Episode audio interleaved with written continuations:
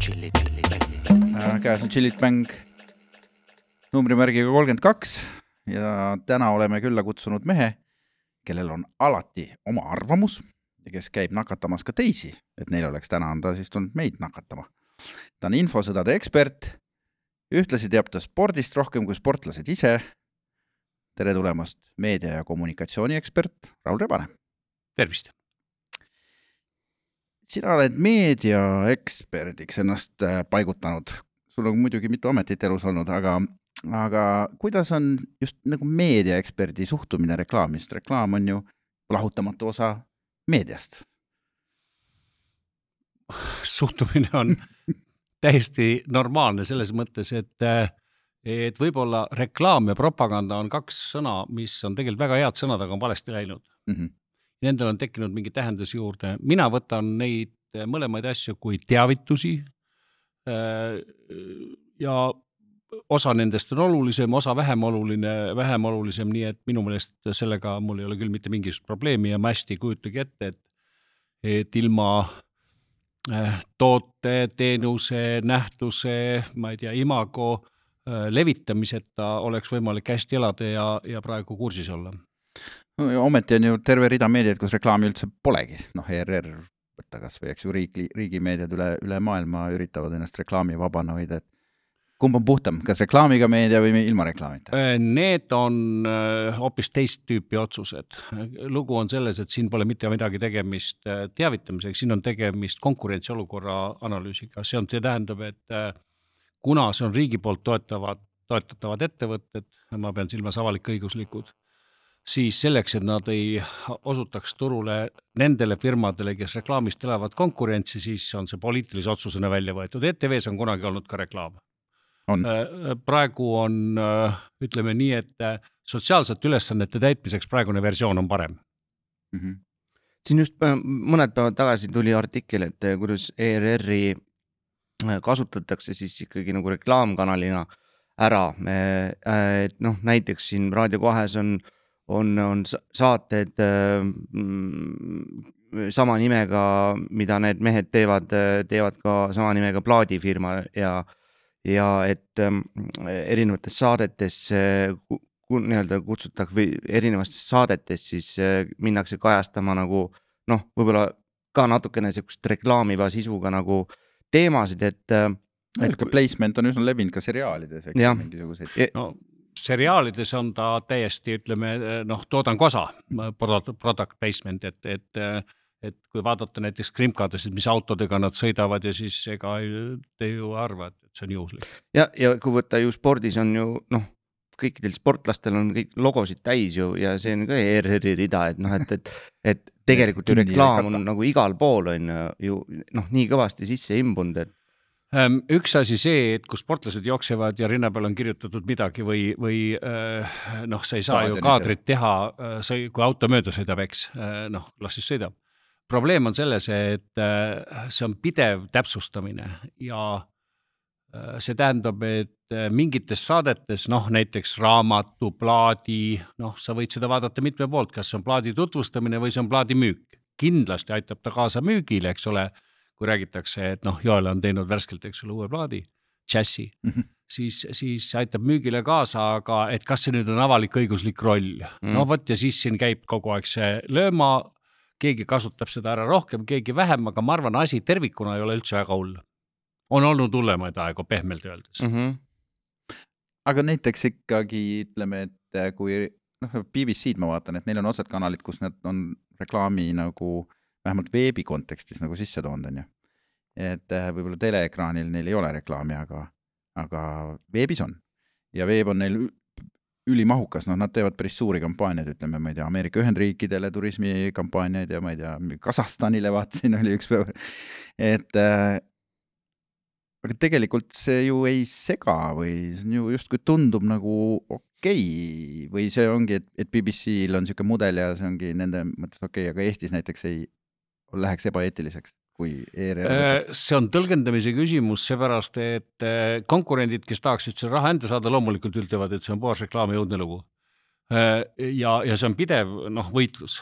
kui me võtame näiteks praegu eetris jooksva äh, filmi või seriaali Krimka, mis on siis Fääri saartest, räägib Taak mm. -hmm. Siis äh, kes professionaalina vaatab äh, seda teksti ja mitte teksti, vaid vabandust, pilte sealt, siis noh, siin ei ole mitte midagi muud teha, kui kui öelda, et see on kõige puhtam Fääri saarte turismi reklaam. promo, jah. turismi promo, absoluutne, kui pärast vaatad taga, kes on toetanud seda, seal on Islandi turismiagentuur mm. ja nii edasi. seal on isegi niimoodi, et kui mees läheb, ma ei tea, kurjategijat otsima ja siis kaader on selja taga üks Fääri saart ilusamaid koskesid või siis mm -hmm. ja ma tean inimesi, kes muide, oh, just täna äh, selle podcast'i tegemise päeval sõidavad tänu sellele filmile Fääri saartele mm.. ma vaatasin ka just, et jube ilus koht on, eks? Ja ma arvan, et sa ei olnud üksi, aga ma tean neid, kes läks, langesid ohvrisse. Ja nii olen mina ka korduvalt mõelnud, vaadates mingisugust mm. Krimkat või seriaali. see Krimka turism pidi jumala kõva sõna olema, et vaata, Inglismaal on neid kohti, kus need mingisugused Midsommerid ja, ja Malmö kohad ja kõik. Malmö kohad, muidugi absoluutselt, need muutuvad, need muutuvad ju filmide põhiselt muutuvad turismiobjektideks, nii et see, siin öelda, et mis asi see siin nüüd on yeah.. reklaam mm. -hmm. ja no eriti on veel sellised äh, suured, noh, Lord of the Rings ja, ja need no, ju need on ju, ju noh, isegi. Uus-Meremaal on. jah, et see, see on, neil on isegi nagu veits juba nagu Siiber, et kuidagi no ära, ära riku-, läbi nii ära kõnnitud. no Chime Tais, eks ole, on Phuketis on James Bondi saar, eks, kus ta tegi mm. oma neid filme. ja kusjuures see, see nii-öelda see Paradiisirand, mis oli kunagi DiCaprioga jah, film oli äh,. mul õnnestus käia ka seal nüüd siis ta ainult äh, lasti paadi pealt vaadata, kuna äh, seal käis nii palju rahvast läbi igapäevaselt et eh, see saar pandi kinni sellepärast, et see saar ei jaksanud võtta inimeste nii-öelda siis. prahti vastu äh,. no mitte ainult prahti, aga noh, e, ütleme, et kergendada ikkagi oli vaja käia. sama Brasiilias, mina küll olen seal käinud ühe korra, Fernando di Noronha saar, mis siis lastakse kaks lennukit päevas, sest rohkem ei võta vastu, aga noh, ta on ka imede ime nojah, see on ikka tegelikult äh, luksus küll, et, et me näeme kuskilt filmist mingit asja ja siis kohe sinna jah, tahaks nüüd kohe minna vaatama. ei no inimesele tuuakse kõik koju kätte ja ma arvan, et näiteks Youtube on siin väga vinge tegija, et mis näiteks on teadmata Eestis võib-olla see, et eesti keeles, kui meil keegi teeb väikestest asulatest mingeid videosid, siis seda vaatab kakssada kuni tuhat inimest heal juhul mm. -hmm. aga näiteks Eestil on selline see bränd nagu Julius Rowe, üks rumeenlane, kes teeb vene keeles. ja tegi Kohilast loo Youtube'i, nelisada tuhat vaatajat. Siis Kohilast, Kohilast jah. Mm, -hmm. ma, ma ei kujuta ette, et Eesti, mida, mismoodi oleks võimalik Kohilast saada nelisada või siis näiteks Muhu saar, seejuures ta käib ja näitab inimestele lihtsalt, ma ei tea, bussipeatus, siin pargivad autod, siin on külamaja, siin lähevad lapsed üle tee ja, ja, ja selle läks Rootsi jälgivaresse kolm koma üks miljonit. sest tal on lihtsalt mingisugune sihuke spetsiifiline jälgijaskond mm. tekkinud, kes tahab. jah, tal päris on, äh, kes tahab päris elu näha ja, ja vene keeles väga rahulikult teeb muide mobiiltelefoniga mm. -hmm jah, kusjuures äh, mulle, noh, olen ka suur Youtube'ist äh, sisu jälgija ja, ja mulle viskab ka pidevalt ette ühte äh, ühte, kas see oli nüüd Brit, ma ei mäleta, kes käis ka äh, küll sõitis äh, trammiga Tondile ja siis ta käis Sillamäel ah,. see on ja... see Brit jah. ja, ja, ja. sellel oli, see oli ka üle miljoni vist oli, hakkas Narvast tulema ja, ja, ja. mul ei tule ta nimi praegu meelde. jah, mul ka mitte. sa oled suur Youtube'i vaataja, ma saan aru? mitte ainult vaataja, vaid ka analüüsija kas sul on premium või mitte premium pakett? mul praegu ei ole premiumit, aga, aga, aga mul ta tuleb jah, kindlasti. soovitan soojalt, sest mina olen siin saate käigus äh, endale premiumi teinud ja enam tagasi ei vaata. ei muidugi, loomulikult, mul on, aga mul on seda kolu nii palju kodus, mida ma pean jälgima, eelkõige just poliitilistel huvidel, no kuule, kui Youtube'is praegu äh, Juri Dutt saab äh, kolme poole tunnise intervjuuga saab äh, kakskümmend üks miljonit.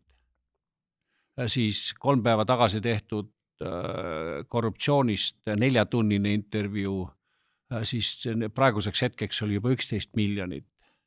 siis me räägime täiesti uutest võimalustest ja asjadest mm,. absoluutselt. inimesed vaatavad neli tundi intervjuud nagu. neli tundi intervjuud, üksteist miljonit ja noh, kui võtame, et äh, Navalnõi tehtud äh, siis, siis äh, Kelenšiki sellest äh, Putini paleest on, kas nüüd on juba sada viisteist miljonit mm -hmm. või noh, mis on ka poliitiliste programmide rekord, muusikaga sa võid saada. aga poliitilisele programmile, mis on äh, väga pikk, saada sada kümme miljonit, siis pead sul olema väga võimas sisu mm. -hmm. isegi mina vaatasin, päris suur maja oli. jah. see hokihall maal, Sveini keldril aga rääkides reklaamist korra, et äh, noh, isegi mina tean seda muidugi lapsest saati, aga, aga Olav kirjutas oma raamatusse, et te olete seotud omavahel läbi äh,, läbi elu. kas tema ei ole, kas tema ei ole sind meelitanud reklaami tegema ja sinu elus oi,? oi-oi, kuule äh,, ei ole, äh, jumal tänatud äh, äh,. vaata, osaline on väga spetsiifiline inimtüüp ja neid ei ole väga palju ja see on äh, see tüüp, kes vaatab taburit, ega tema ei vaata taburit sellega, et ta sinna saab istuda. tema kuidas, vaatab taburiti, mismoodi oleks võimalik seda suuremaks, kallimaks rääkida ja maha müüa. et ta kogu aeg räägib asju suuremaks. nii et see on tema, see on väga spetsiifiline, meil oli kunagi Väike-Maarja poes, ma olin lapsepõlves, midagi poes müüa ei olnud. aga seal oli üks mees, kelle nimi oli Kaivo Endel. ja tema on minu jaoks nagu müümise sümbol Äh, ja läksid, ema alati kurtis, et läks poodi, tal oli vaja osta niidirull ja tagasi tuli mingi kaheksa asjaga mm. -hmm. seepärast, et see Endel oskas talle selle niimoodi ära müüa.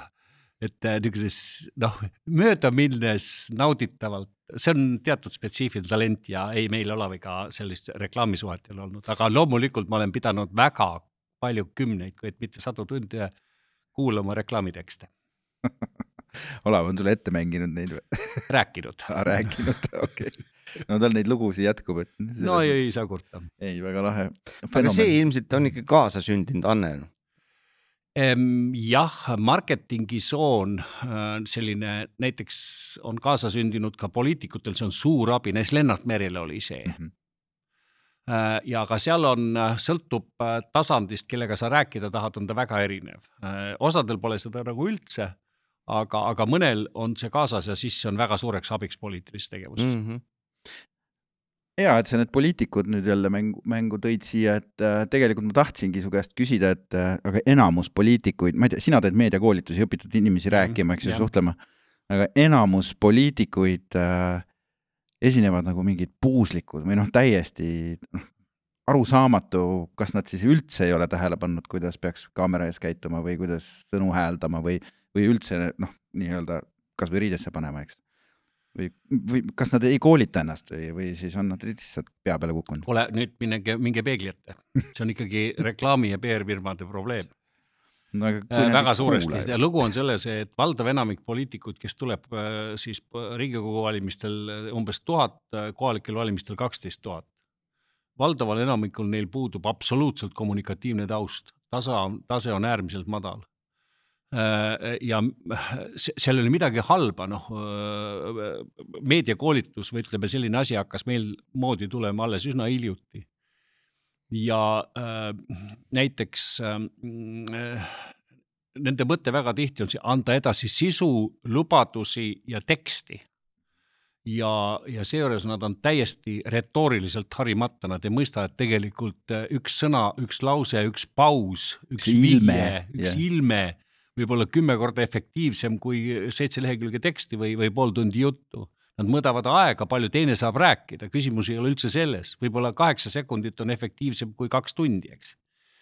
ja nii edasi, nii et eh, ma arvan, et eh, siit edasi, noh, kuna Eestis konkurents ei ole niivõrd tihe poliitikas, nagu on suurtes riikides mm et siis selline eh, meedia algharidus ja siis osade puhul ka tippharidus, see seisab kõik veel alles ees inimestel on ettekujutus, et, et noh, et ma õpin matemaatikat, õpin inseneriks, õpin laulma, õpin tantsima, aga et no räägin niisama loomulikust. et noh, küll ma panen ära. Äh, see on jama mm. -hmm. ja, ja äh, see näiteks konkurentsi tihedates olukordades, nagu praegu on, nendel valimistel, mis nüüd tulemas on siis seal ei ole ju äh, mingeid väga suuri probleeme äh, või väga suuri teemasid, nagu eelmine kord oli see abieluseadus, eks ole, mis lõhestas totaalselt ülikonda mm, -hmm. kõik tahavad Ukrainat toetada, noh ja mitte päris kõik, eks ole, aga, aga laias laastus on nii. ja sel juhtumil, kui on võrdsed inimesed mm, -hmm. siis hakkab otsustama retoorika mm. -hmm. räägivad ühte sama asja ka enam-vähem. räägivad üht sama asja, aga siis otsustab see, kes paremini räägib ja pärast rahvas vaatab peale, ütleb, näed, need kolm on mm. -hmm. Ma just mõtlesin selle peale, vaatasin eile seda, mis asi see oli? haridus. haridus, oli haridus, ei, eile oli. üleeile oli haridus. üleeile oli haridus, jah ühesõnaga vaatasin, et noh, tegelikult nagu kõik nõustusid praktiliselt kõikide väidetega, et, et see vahe oli ainult nagu iseloomus oligi täpselt nagu sa ütled, et retoorikas, et kas ma ja rõhutan mingit asja. kui ma ei eksi, oli siis Kallas, Hartmann ja Kersna, mis olid ka selgelt näha eetris vaadates, olid nagu efektiivsemad mm -hmm.. noh, nad teadsid teemat, nad suutsid paremini väljendada. jah, eks see taustateadmine jah, aga, aga ma mõtlen, et sa lähed poliitikuks, on ju, otsustad, oh, nüüd ma lähen, on ju, ja tegelikult see on ju kirjutatud juba sinna nii-öelda suure pealkirjana, et sa oled esineja, on ju, et, et see kõik muu seal taustal mis iganes kokkulepped, mis iganes tõekspidamised, väärtushinnangud, mida sa üritad siis nii-öelda liita inimesi või enda hõlma alla tuua, siis sa pead seda ainult läbi retoorika, ainult läbi esinemise tegelikult tegema. jah, aga see teadmine, et valdavas enamikus äh, poliitiline tegevus on noh, loomulikult kodutöö on äh, väärtused, põhimõtted ja kõik sellised asjad, mis sul peab niikuinii olema, ratsionaalne teadmiste hulk peab niikuinii olema. aga esinemine, see on stand-up komöödia mm. -hmm. noh, siin meil on Oden ongi stand-up mees. Harrastan. nii, ja, ja see on stand-up show, sul peab olema kõrtsi koomiku reaktsioon. sa võivad oled kolmesaja inimese ees, kelles võib-olla sada viiskümmend on vihavaenulikud mm. -hmm siis sa võid ühe nalja ühe ütlusega noh, leevendada või ajada asja hullemaks ja see nõuab suurt meisterlikkust. ei, tegelikult on areng toimunud tipus. on ju? jah kui ma vaatasin näiteks äh, eelmist debatti, mis olid kaitsetemaatika mm, -hmm. Siis pean ütlema, et võrreldes eelmiste või üle-eelmiste valimustega tase on ikka selgelt tõusnud. see, kus see Pevkur ja. ja, ja, ja tase on tõusnud, seal ja. inimesed jagavad asja, nad on kolm või neli tükki on olnud ministrid, nad teavad ratsionaalseid aspekte ja nüüd on küsimus see, et kuidas nad seal võitlevad, tase on tõusnud. aga on see siis tulnud puhtalt kogemuse pealt või on ikkagi saanud koolitust või? Eh, osa on saanud ka koolitusi kindlasti, nii et äh, see aeg kipub tasakesi mööda olema, noh, kus niisuguse loomuliku meisterlikkuse pealt lähen. ah, sa käid ka abis, abis, abis poliitikutele aeg-ajalt või? poliitikuid ikkagi suhteliselt vähe, et ma üritan nagu eemale hoida, aga selles mõttes, et ma kindlasti nii-öelda poliitikateooriast ja asjast olen loenguid pidanud ja, ja olen muidugi inimestega kohtunud sealt edasi on, eks, kui asjad väga karmiks lähevad, siis tekib infosõda, ütleme, ja, ja see on ka sinu niisugune valdkond, millest sa oled äh, palju sõna võtnud ja ilmselt ka väga palju uurinud. kas seal, kas seal ka reklaamil on mingi roll või siis on juba nagu üle reklaami juba käib nii-öelda nagu kusagil ridade vahel või kaevikutes värk või? kuule, teeme nüüd ühe asja selgeks. siin on väga palju öö, nimesid pandud ühele väga lihtsale asjale ja see on see, et kuidas mõjutada inimeste valikuid mm. -hmm.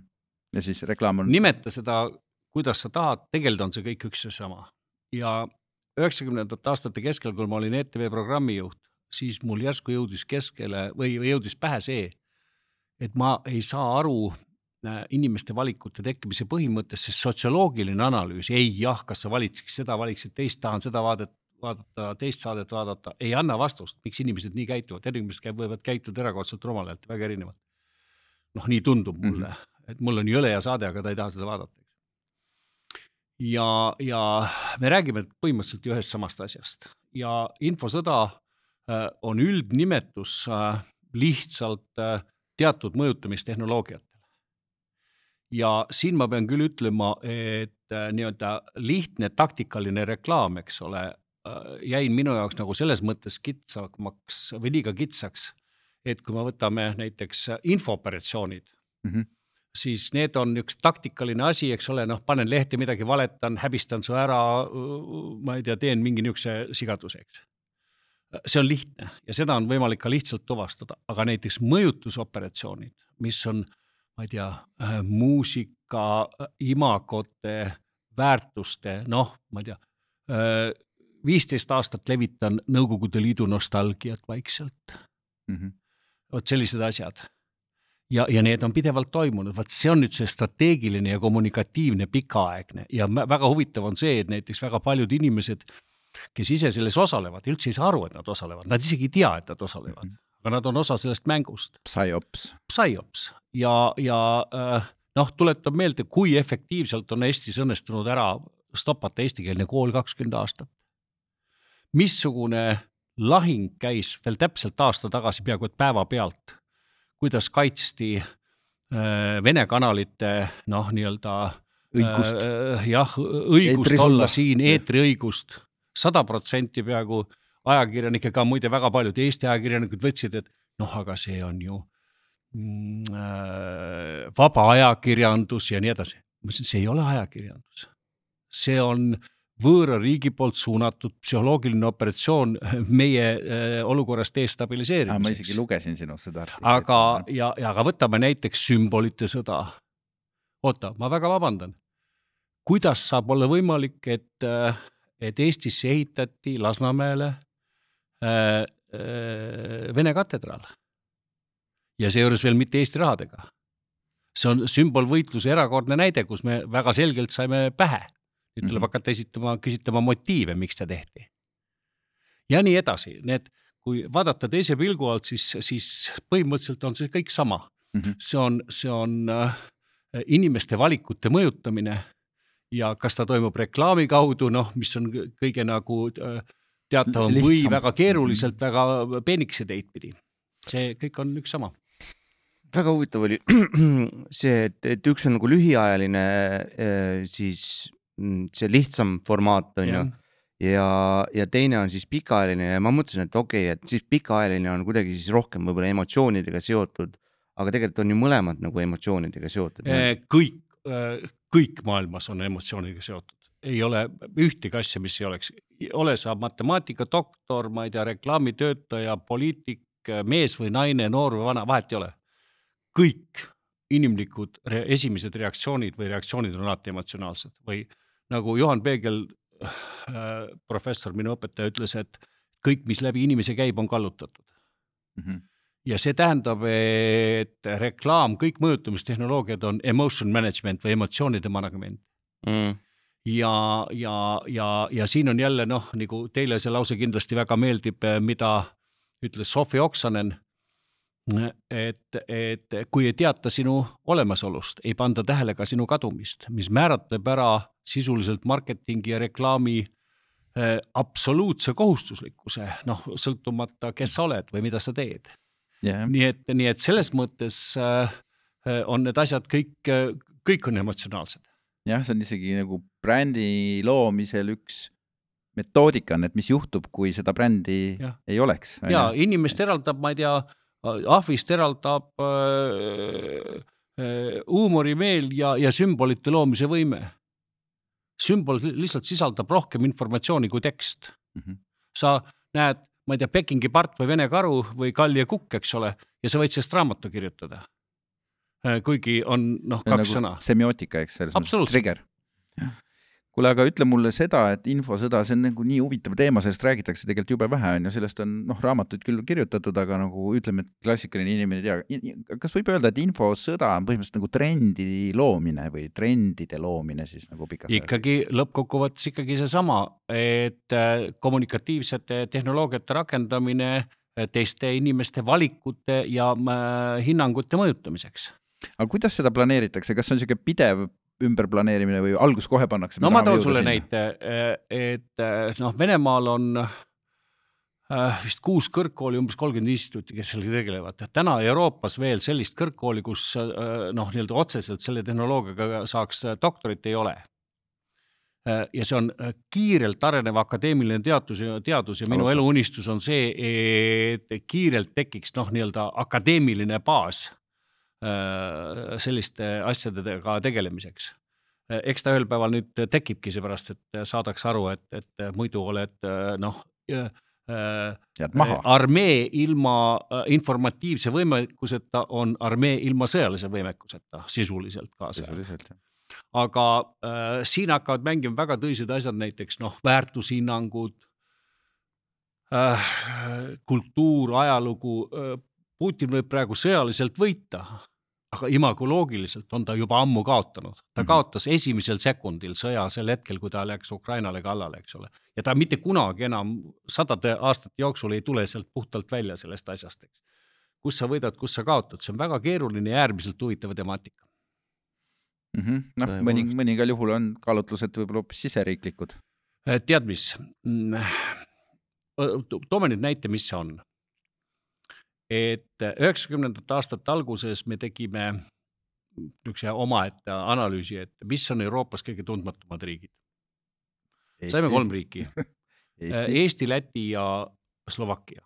mm. -hmm. ma ei tea, Islandil on äh, vulkaanid, Leedus on korvpall ja noh, Hollandis on kõik muu, eks ole, Van Goghist äh, Tulpideni. tul- tulpideni aga. Slovakkias ometi on ju mäed. ja aga kui palju seda teavad? Slovakid. ja Slo- ja, ja aga noh, meil nagu polnud mingit lugu, aga nüüd vaadake, mis on toimunud äh, viimase paari-kolmekümne aasta jooksul. Eesti on tulnud välja sellest nii-öelda endisest Nõukogude Liidust, ma ei tea, eesrii-, Ida-Euroopa tiigriks e, e-riigiks, eestvedajaks paljudes asjades. neetult uhke värk, ma ei tea ühtegi teist väikeriiki, kes oleks nii võimsalt välja tulnud, me kogu aeg ise protesteerime, karjume, ütleme oi kui halb, kõik on lollid, tegelikult ei ole. Eesti strateegilised suunad, suured suunad, noh, väärtussuunad, NATO, Euroopa Liit ei kunagi enam üksi e-riik, need on osutunud äh, üliõigeteks. aga kõik need suunad pandi paika Lennart Mere ajal, ma ei ole nõus, ei ole?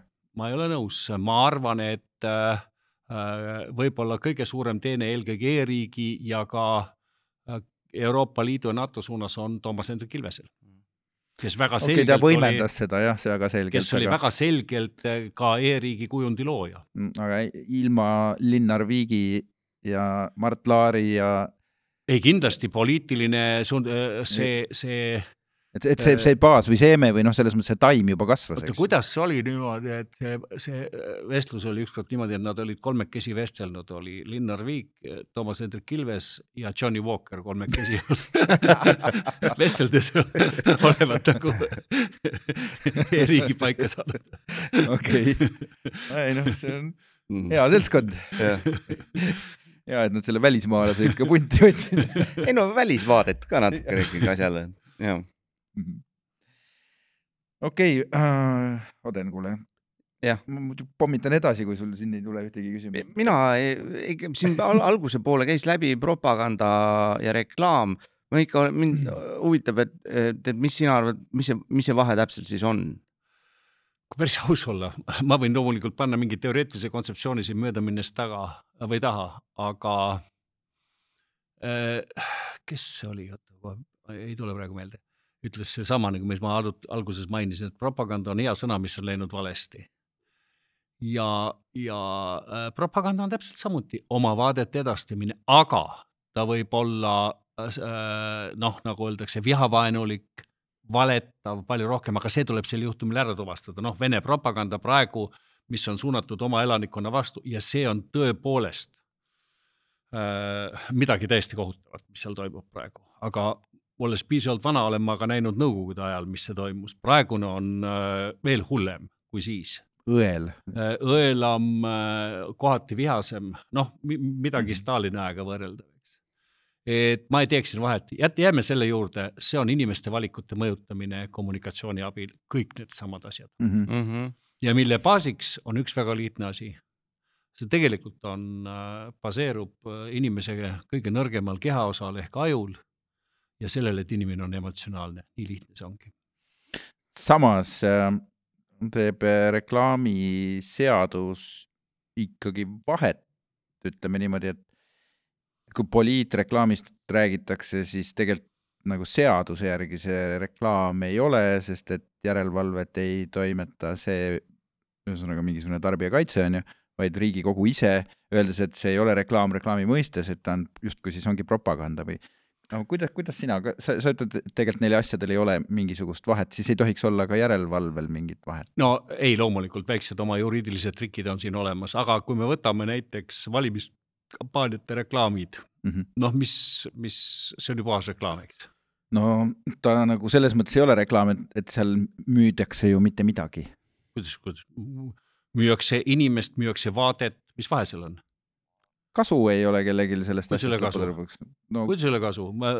see muudab äh, riiki väga põhjalikult, kui keegi teeb hea reklaami äh, tulevikus abstraktne.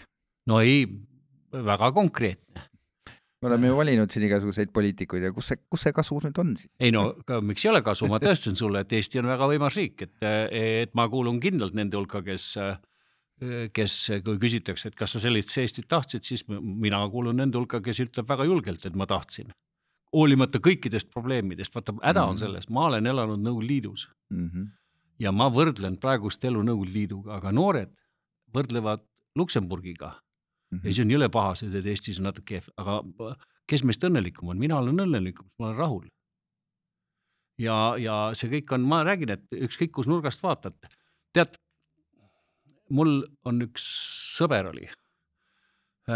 ja see oli väga ammu Nõukogude ajal ja tema müüs eriti edukalt Leningradis kurke Mhm. ja müüs nii edukalt, et iga aasta ostis uue Žiguli, noh, see oli täitsa kolossaalne sissetulek. ma küsin, kuidas sa teed? ta ütles väga lihtsalt, lähen Leningradi, võtan kurgid kotist, panen kolm hunnikusse, igalühel panen oma hinna. ja siis osa ja e- siis tuleb inimene ja osa ostab alati kõige kallimat, sest see on kõige parem. Samad Äh, kurgid kõik. teine ostab kõige odavamalt, sest on äh, noh, ta on harjunud, ta ei anna raha välja, ta on lihtne või ei ole ja siis osa tantsib kahe kuhja keskel, liiga kallis ei taha osta, kõik seda kehva ka ei taha, aga kurgi on samad hunnikud. tegelikult toimub iseenda iseloomu oma kalduvust, selle ostmine, kurk on seesama, see ongi selle reklaami mõte. ja, ja, ja see on see, et kas sa saad aru, mis inimene su juurde tuleb. Kas ta on see kallis, see odav Kaua? või see keskmine. mm. Odengule me peaks ka hakkama Aga kampaaniat tegema kolme hinnaga. aga mõelge, kes te olete, teeme täpselt sama asja. noh, ei, see on lahe ja, ja aga siis mõelge, kes on teie öö, naine näiteks. et liigub kiirusega. no mulle ostab see kallimaid kurke. et eh, li, liigub, liigub kiirusega viissada eurot tunnis, eks. ma olen, ei, ma olen, päris hea kiiruse mõõt. olen sama asja kuulnud või sarnast asja kuulnud tegelikult mitmetelt Eesti äh, sellistelt äh, kas moe või moebrändidelt ja et, et nad lähevad Aasia turgude võtma ja nad ei oska hinda panna, et äh, see hind, mis, millega äh, ütleme siis Jaapanis ostetakse seda toodet, see tundub eestlase jaoks nii ebareaalselt kõrge, et tal lihtsalt käsi ei, ei paindu nagu panema seda hinda sinna. Äh, ma olen Jaapanis töötanud äh, ja äh, Nagano olümpiamängudel äh, siis olin noh, murdmaasuusatamises tööl seal koos Jaapan, koos viie japsiga olin ühes äh, ruumis, kaasa arvatud, seal oli siis minu tõlk. ja see, kes tahab minna Jaapanisse ükskõik mida tegema ja enne seda äh, ülipõhjalikult ei õpi kultuurilist, religioosset, käitumuslikku tausta, ärge minge, te ei saa aru. seepärast, et see on hoopis midagi muud, täpselt samuti on äh, teiste riikide kultuurilised kontekstid, Mhm. mis on popp, mis ei ole popp, eks ole, meil on ilus tagasihoidlik pastellne, aga, aga lähed Brjanskisse, võib-olla on vaja noh, litrid ja sätendavad ja teised värvid Mm. ja, ja seepärast näiteks väga paljud reklaamkampaaniad, mis tuuakse mingi suure rahvusvahelise brändi poolt meile siia, noh, tunduvad mulle lausa koomilised. ja, ja siis keegi tõlgib veel Google äh, Translation'iga selle ära ja siis on ta noh, piinlik. äkki see ongi infosõja erivorm? see võib olla küll, sest kohati jääb nii naerma. et, et äh, see on väga tihti rahvuslik, religioosne, näiteks info liikumise viis, kui sa seda ei arvesta, ka religiooni puhul näiteks Kontšalovski kirjeldas seda, kuidas näiteks õigeusk on eranditult hierarhilise äh, info liikumisega äh,. Protestantism on horisontaalne, katoliiklus on siis keskel. ja, ja, ja kui me seda ei tea, et seda on tuhande aasta jooksul sisse kodeeritud, siis, siis me teeme lihtsalt vigu. Mhm. ehk see tähendab, et see kõik on ikkagi teadus.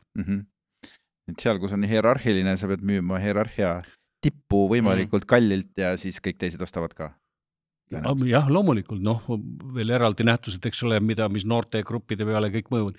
mida, mis üks asi, mis mul tundub reklaamis ja eelkõige telereklaamis, ma, ma ei tea, äkki on seotud see minu vanusega, äkki ma ei saa aru. äh, on see, et tohutult vaadatakse, ma ei tea, umbes äh, neliteist kuni nelikümmend üheksa või siis nagu elu lõpeb otsa, et need ülejäänud on seal surnud. et nad on nüüd nii rumalad, need ei saa üldse pihta. minu meelest on see absoluutne jaburduus Äh, igaüks, kes vaatab pangaseise, näeb, et juba meil on ka ammu üle viiekümne protsendi rahast on üle viiekümne aastaste käes, Rootsis on kuuskümmend viis protsenti rahast üle kuuekümne viie, ei üle kuuekümne aastaste ja. käes. nüüd on, kuidas sa raha neilt kätte saad, aga need inimesed söövad, tarbivad ja oi kui palju. ja, ja äh, äh, mu meelest on need sihtgrupid äh, jäänud tähelepanuta, et on niisugune tunne, et tiinekas ostab, eks ole, tohutult palju plaati ja nüüd tule, tuleb ainult reklaamida. proovige vanade käest kätte saada. Ja jah, no siin levis ju üsna hiljuti veel teooria, et üle kahekümne kaheksa aastane inimene üldse enam põhimõtteliselt nagu reklaamile mingit fookust ei pane. ma ei, noh, see oli mingi päris Ameerika mingisugused, ma ei tea, katse-eksitusmeetodiga olid uurinud seda, aga no ma ikkagi või? vaidlen noh, algusest peale sellele väga-väga vastu. nalja teete või? kuulge, äh, Eesti, äh, kes tuli välja mm. Nõukogude Liidus raevuka defitsiidi tingimustes, on tänaseni ennast, eelkõige vanemad põlvkonnad, kellel tekib mingisugust raha, on tänaseni ennast nii-öelda mm, ära ostmata, et mm. vajadused on väga suured, kõik need unistused, mis olid tol ajal äh, kuuskümmend kuni ma ei tea, kaks tuhat, eks, on ju täitumata väga paljudel. Ja nüüd, kui tekib võimalus täita, nad kohe täituvad ja reklaam on siin puhas allikas, minu meelest on see teoreetiline nonsenss, mida siis noored inimesed omavahel räägivad, lugege raamatuid, sõbrad mm.. kuule, aga siin ongi hea tegelikult tulla reklaami juurde väga tugevalt tagasi, mis on, mis kanalites siis ütleme, sina oled vanem, vanema põlvkonna esindaja mis kanalites üldse jõuab reklaam sinuni, mis, mis mulje sul jääb sellest reklaamist? et kas, kas see on, kas see läheb sinust mööda, et see ongi nagu liiga noortele mõeldud või? Ehm, me saame päevas noh, erinevatel andmetel, kes pakub tuhat kakssada, kes pakub kolm tuhat nelisada reklaamsõnumit.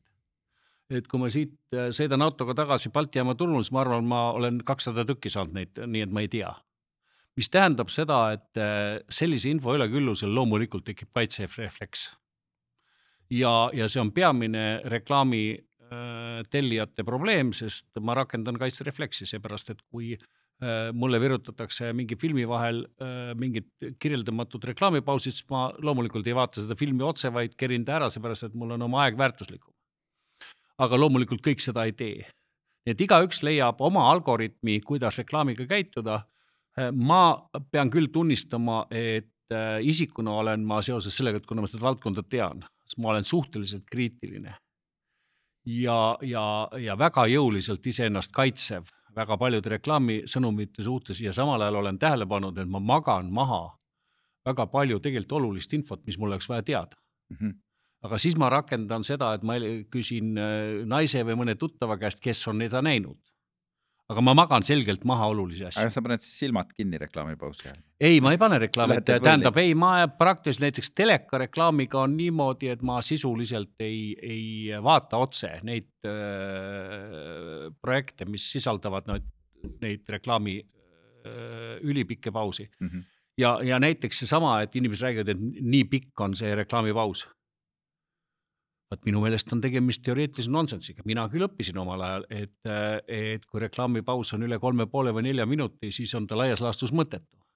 aga praegu me näeme, mul on lindis ka muide kolmeteistminutiline. Mm -hmm. aga räägi, mis see, mis see põhjus on, kas siis meedia on lihtsalt liiga odav või? tead, ma ei arva, et meedia on odav, aga tekib mingit perioodi, nagu me teame, jällegi reklaamikäitumine on täiesti irratsionaalne ehk mis on kõige võimsamad reklaamikuud? Viis kuud aastas umbes seitsekümmend protsenti läheb ära, eelkõige telekas mm. -hmm. samal ajal kõige kõrgem vaadatavus äh, on jaanuaris. jah, aga samal ajal reklaam on täielikult pommiauk, eks mm. -hmm ja, ja see on november, detsember ja siis tuleb kas märts, aprill, mai vist mm.. nii ja, ja noh, siis ülejäänud krabitakse raha kokku. et ma ei arva, et ta on odav, ma arvan, et seal on hästi palju moodi Mm -hmm. ja siis on noh usku, et äkki ikka keegi vaatab ja ma, äh, ma ei tea, mulle tundub, et, et siin on vaja mingit arengut. mina mõtlesin just, et äh, tuleks jõle kalliks keerata, et siis kõik need mingisugused äh, PowerPoint reklaamid, tule osta liha ja mingi noh, need kukuksid ära äkki, ma loodaks. või ei kuku? nojah, aga see, kui sul on, ütleme niimoodi, et rahakotis puhub tuul, siis on see ikka kõik abiks. siin nagu kõikides valdkondades toimub protsess ja see on see, et nagu poliitikaajakirjandus. poliitika õpib, ajakirjanik õpib ja vastastikku kogu aeg õpitakse. ajakirjanik õpib paremini küsima, poliitik õpib paremini vastama. kui see ära kaob, konkurents, siis jääb kehv tase mm. -hmm. täpselt samuti õpitakse praegu reklaamiandja ja reklaami tegija õpivad vastastikku selles konkurentsis. ja telekanalid muidugi juurde, mitte telekanalid, vaid noh, nii-öelda meediakanalid. See on see nagu see luku ja varga teema, et, et lukuja küll ta leiab selle ja. võtme, et et noh, sama on jah, reklaamitegijatega, me ju ka ju otsime pidevalt uh, uusi võimalusi, kuidas nagu inimesteni jõuda, et, et ongi see pimeduse case on ju, on see, et tele ei ole enam üldse nii nagu vaadatav, et uh.... samas järeluuringud näitavad, et kui sul telet ei ole kampaanias, siis nagu tutkit noh no teeme ikka selgeks väga paar lihtsat asja, minu meelest äh, äh, ükski, kõikide kanalite sulgemine või et noh, et nad kaovad ära. nagu oli filmis äh, Moskva pisarad ei usu, et viiekümnendatel aastatel, et kõik saab olema ainult üks telekas, ei mm. saanud. noh, teater ja kino kaovad ära, ei kadunud. ja praegu näiteks ma ei tea, poliitilistes kampaaniates Clinton pani kaheksakümmend viis protsenti oma reklaamist kohalikesse lehtedesse sa otsid oma sihtgrupiga kõige täpsemat kontakti ja selleks tuleb hästi palju teada ka sotsioloogiat, mitte ükski kanal ei kao ära, aga teles ei ole näiteks vaatamine, ei ole vähenenud. Äh, pigem on kasvanud. Äh, pigem kasvanud mm, -hmm. eriti venelaste hulgas. ja see tähendab, et sa kogu aeg doseerid ja tuleb kogu aeg arvestada, et kontakt, mida müüakse, ei ole mõju. aga meie minu meelest televisiooni programmeerimises ma kahe tuhandendatel aastatel kuskil lugesin televisiooni programmeerimist, mis on väga spetsiifiline mm. teadus, et seda ei, isegi ei, ei, ei kirjutata sellest raamatuid, siis näiteks seal oli neliteist tunnust, mille põhjal müüdi Ameerikas juba tol ajal reklaami mm, -hmm. aga meil on palju lihtsam see. meil ei ole jõudnud kohale. meil on lihtsam jah, aga digimaailmas, mis ma lugesin, mingisugune tuhat viissada tunnust on inimestele käitumuslikult. no äh, kui ma ei eksi, siis Obama reklaamkampaaniat tehti ligi kolmesaja tunnusega. Ja, ja meil muidugi ei ole niisugused vahendid ja nii suurt turgu, aga noh, näiteks kui uuring tõestab, et äh, kassi armastajate hulgas on demokraate viisteist protsenti rohkem kui äh, konservatiive, siis loomulikult Obama teeb pildi kass üles, eks. Mm.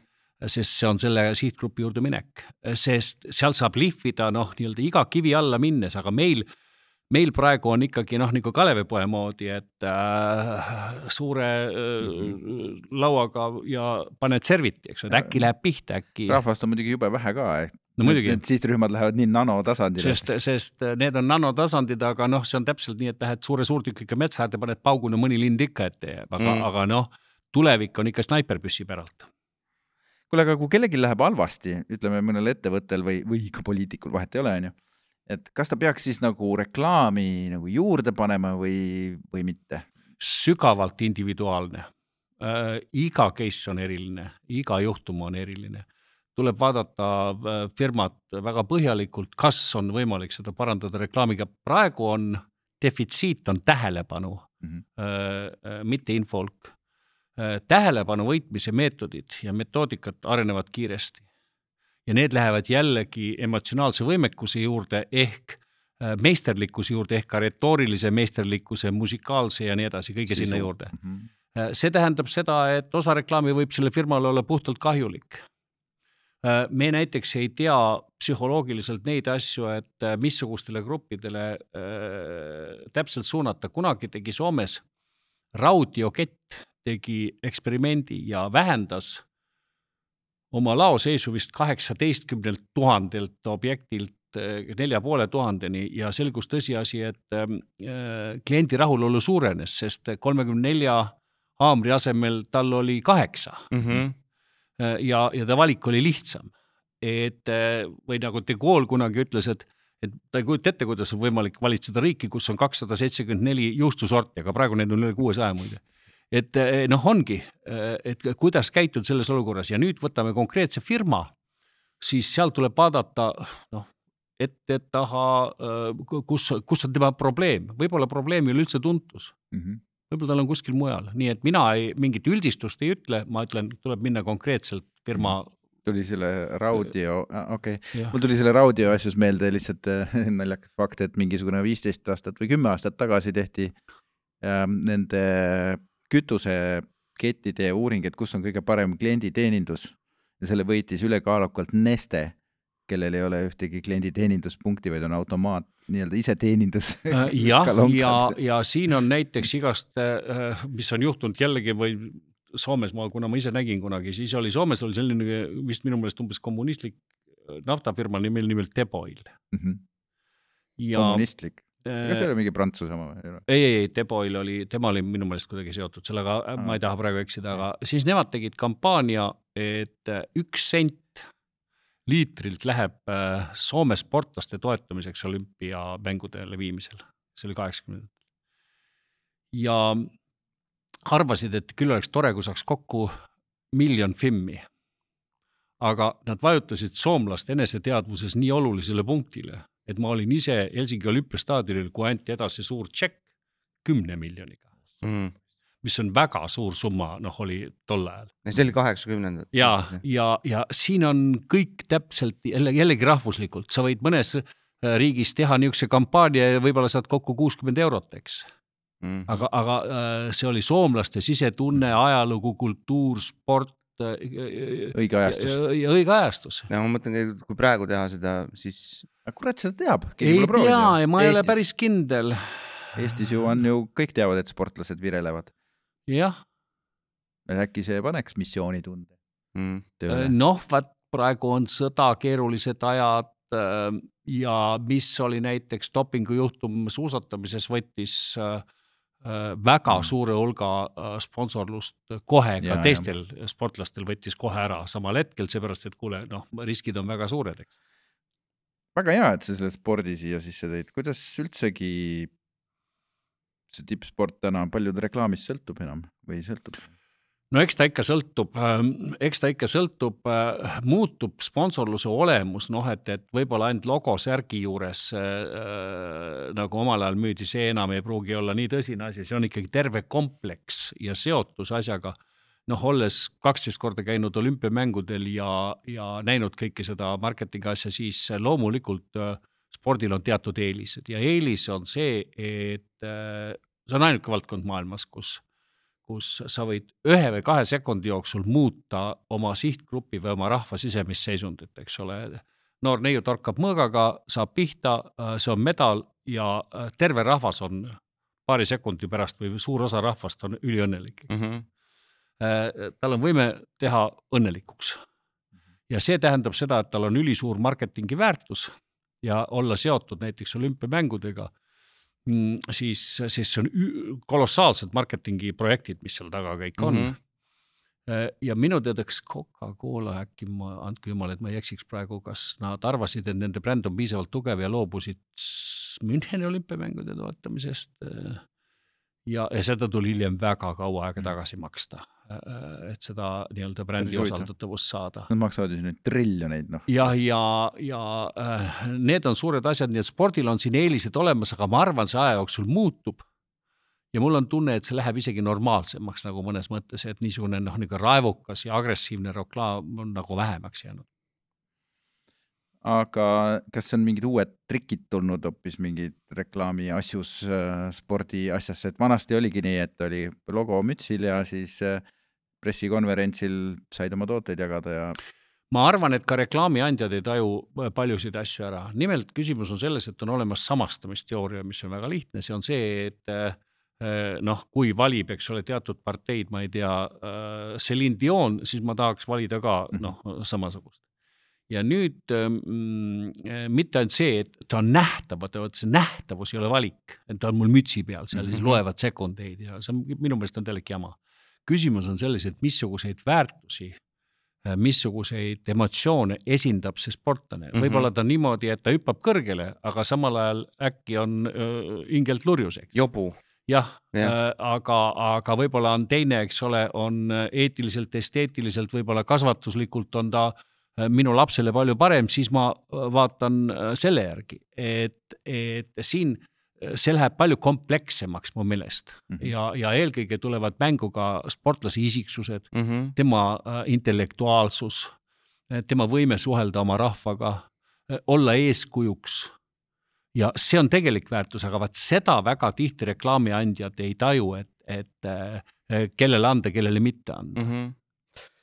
Jah, on, ongi nagu selline mm, mulje jäänud, et, et, et need sportlased rohkem nagu muutuvad äh, agendiks, et, et nad nagu, et pool osa on, on see spordi osa, aga teine pool osa on, ongi selline sotsmeedia ja kõik see et nii-öelda oma isiksuse siis nii-öelda välja reklaamimine, välja reklaamimine ja mulle meenub äh, selle jutu peale, et Ken Block oli nüüd nüüdseks äh, õnne, õnnetult surma saanud.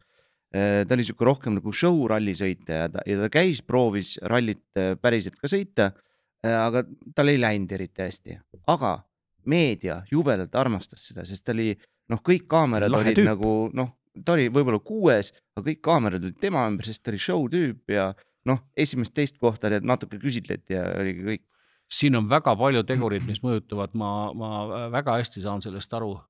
Aga mis on küll noh, tuntuse kättesaavutamine on, on võib-olla lihtsam kui, kui austuse kättesaavutamine ja ka mitte ainult spordis. Või siis näiteks aktiivse elanikkonna kättesaavutamine, siin väga tihti on ka oluliselt pikaaegsed reklaamistrateegiad ehk noh, siin on üks niisugune asi, mille nimi on Mm, Rogersi difusiooniteooria ja see siis räägib, et kuidas info liigub aegapikku äh, grupilt grupile, see võib aastaid olla aga äh, umbes viiskümmend protsenti inimesi on sellised, kes helimide vastus on alati ei. ükskõik midagi uut tuleb, oled ta siis, mida sa müüa talle tahad, alates mobiiltelefonist või. ettevaatlikud inimesed. ja, äh, ja, ja kuusteist protsenti seal taga on sellised, kes on noh, lõpuni ei, surevad enne kui midagi muudavad, aga ees on umbes kuueteistkümnest protsendist on sellised noh, need on selline aktiivne seltskond ja, ja teooria ütleb väga lihtsalt, räägi sellest kuueteistkümnest protsendist kümme protsenti ära ja siis oota mõned aastad mm. -hmm. sest need räägivad selle info edasi, resonants, tajuda, mis kutsub esile resonantsi ehk info iseenesliku leviku, siis äh, see, see on ülisuur meisterlikkus mm. -hmm ja, ja väga tihti, see võib tullagi juhuslikult, no meil on kõige kõvem lugu, mida mina tean selle koha pealt, juhtus tõepoolest juba umbes nelikümmend aastat tagasi ja meil oli tol ajal äh, Nõukogude Liidu Kommunistliku Partei Eestis ja esimene sekretär oli Karl Vaino, tema pojapoeg on nüüd teatavasti Anton Vaino, kes on siis Putini, Putini kantselei ülem ja, ja kuulub ka turvalisnõukogu. ja Vainoga juhtus Eesti Televisioonis kogu aeg jama, mingi te tehniliselt, kord läks helile ära, kord läks pilt ära, inimesed olid närvis, seal ei pandud mingit otsa kokku ja noh, seda loomulikult peeti diversiooniks. ja teate, mis tehti? Ja sunniti, see oli kaheksakümmend kolm vist, sunniti meid salvestama uudistesaadet no kõige absurdsem asi, mis saab olla, sportlased olid täielikud idioodid, mina teiste hulgas, seepärast et võistlus oli ammu lõppenud, aga me räägime noh, kella poole kaheksa ajal salvestatud uudist, eks ole, täitsa jube jama noh. ja ükskord juhtus niisugune lugu, et salvestati saade ära, aga mitte keegi ei olnud tähele pannud, et diktoril oli seljas must ülikond, valge särk ja sinine lips ehk sinimustvalge. tol ajal ma saan aru, et paljud noored ei saa aru, aga see oleks tähendanud peade lõikamist, surma mm, -hmm.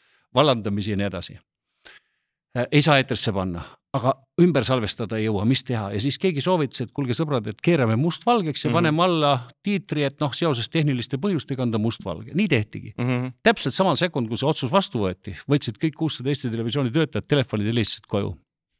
ütlesid, kuule, vaata täna õhtul telekat, seal on tegelikult mustvalge, aga tal on sinimustvalge sinimustvalge oli sel hetkel grandioosne defitsiit, kõik need inimesed võtsid uuesti telefoni uuringuid ei toimunud, aga sel hetkel võis olla läbi aegade üks vaadatavusi ja kujutage ette seda sürrealismi mm, -hmm. kus miljon eestlast jõllitavad mustvalget telekat, aga tegelikult näevad värve mm. -hmm. niisugust psühholoogilist operatsiooni, kes välja mõtleb, on geenius, aga see tuli juhuslikult. ja see on klassikaline resonantsil baseeruv infolevik. kui sa sellise asja suudad ära teha, see on siis mälupildis ka tänapäeval, et küsid inimeste käest, et mis värvi oli lips, ütled sinine või? ma Mäletad? arvan küll, jah kuigi nägid mustvalget ma tundsid seda maitset juba ja see oli, noh, see oli midagi kirjeldamatut. no aga mõtle, mis, mõtle, mis taust siin peab olema, et kui, kui mitukümmend aastat seda on vaja üles ehitada, et selline trikk noh, ega kaheksakümmend kuus kuni üheksakümmend üks, ega vabadusvõitluse aegaseid imagoid, värve, lõhnu, ega seda ei taasta keegi. meie põlvkond on nüüd sellest, et vana, eks ole, aga äh, on õnnelik selles mõttes, et me olen elanud läbi võib-olla Eesti ajaloo kõige emotsionaalsem aja, noh, kuni iseseisvumiseni, see on täiesti eraldi ajalugu, eraldi periood algus oli see kole nõukogude aeg, siis oli seda viis aastat seda vabanemist, kõige emotsionaalsemat, noh ja nüüd on see puhtaks pesemise aeg, eks. Et see viis aastat oli kõige põnevam, mm.. jah, seal muutus iga päev midagi, absoluutselt.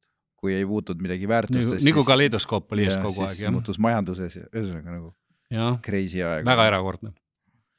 aga mõjutamisest rääkides äh, alkohol ja reklaam, see on ju kogu aeg siin noh, kas kui poliitikutel ei ole see hambus, siis ta on mingitel terviseametnikel hambus ja üks ja maades erinevad suhtumised, üks keelab, teine lubab.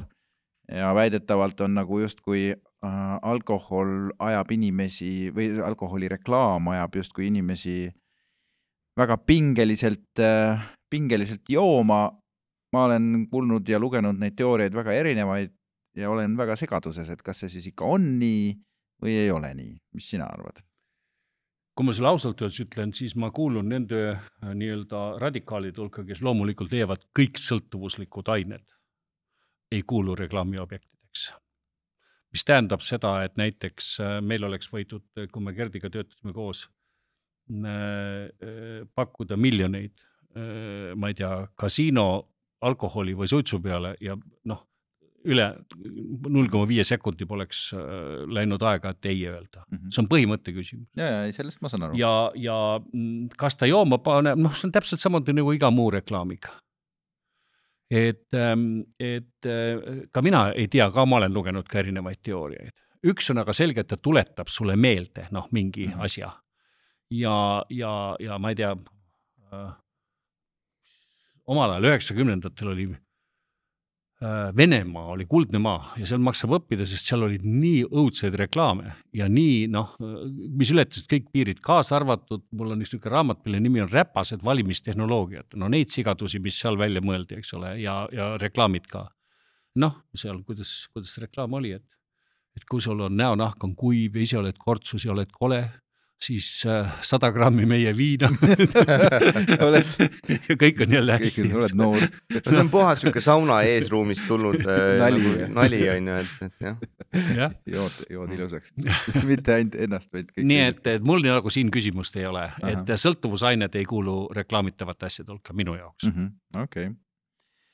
jah, just, et see ongi see huvitav, et ma noh, olen tõesti tänu oma tööle väga laia ampluaad nagu seda uurinud ja ega ei olegi õiget ega valet vastust vist. jah, ma täiesti usun, aga noh, siin saab võtta isikliku seisukoha ja äh, spordiga tegelenuna mul see on. arusaadav, aga kuidas üldse tagasi tulles spordi juurde, kuidas üldse sportlast reklaamitakse? sa oled ju Kanterit reklaaminud nii, et tolmab, ta oli kõige tuntum nägu üldse spordis. Äh, see on imago küsimus, tähendab, ega me ei tee ju otsuseid mingi fakti põhjal, me teeme imago põhjal, see on see, mis just selja taga räägitakse. Mhm. ja Bränding., ja see on sisuliselt on ta bränding ja, ja nagu sa tead, see on äärmiselt komplitseeritud asi, seal on ka väga selgeid vigureid, noh Gerdi puhul näiteks üks asi, mis on väga-väga oluline äh, aru saada, et äh, kuidas ta kujund tuli, oli see, et ta on ainukene sportlane maailmas, kellel oli äh, baassihtgrupp oli põhimõtteliselt täiesti erinev kõikidest teistest ja see olid naised nelikümmend pluss Hmm.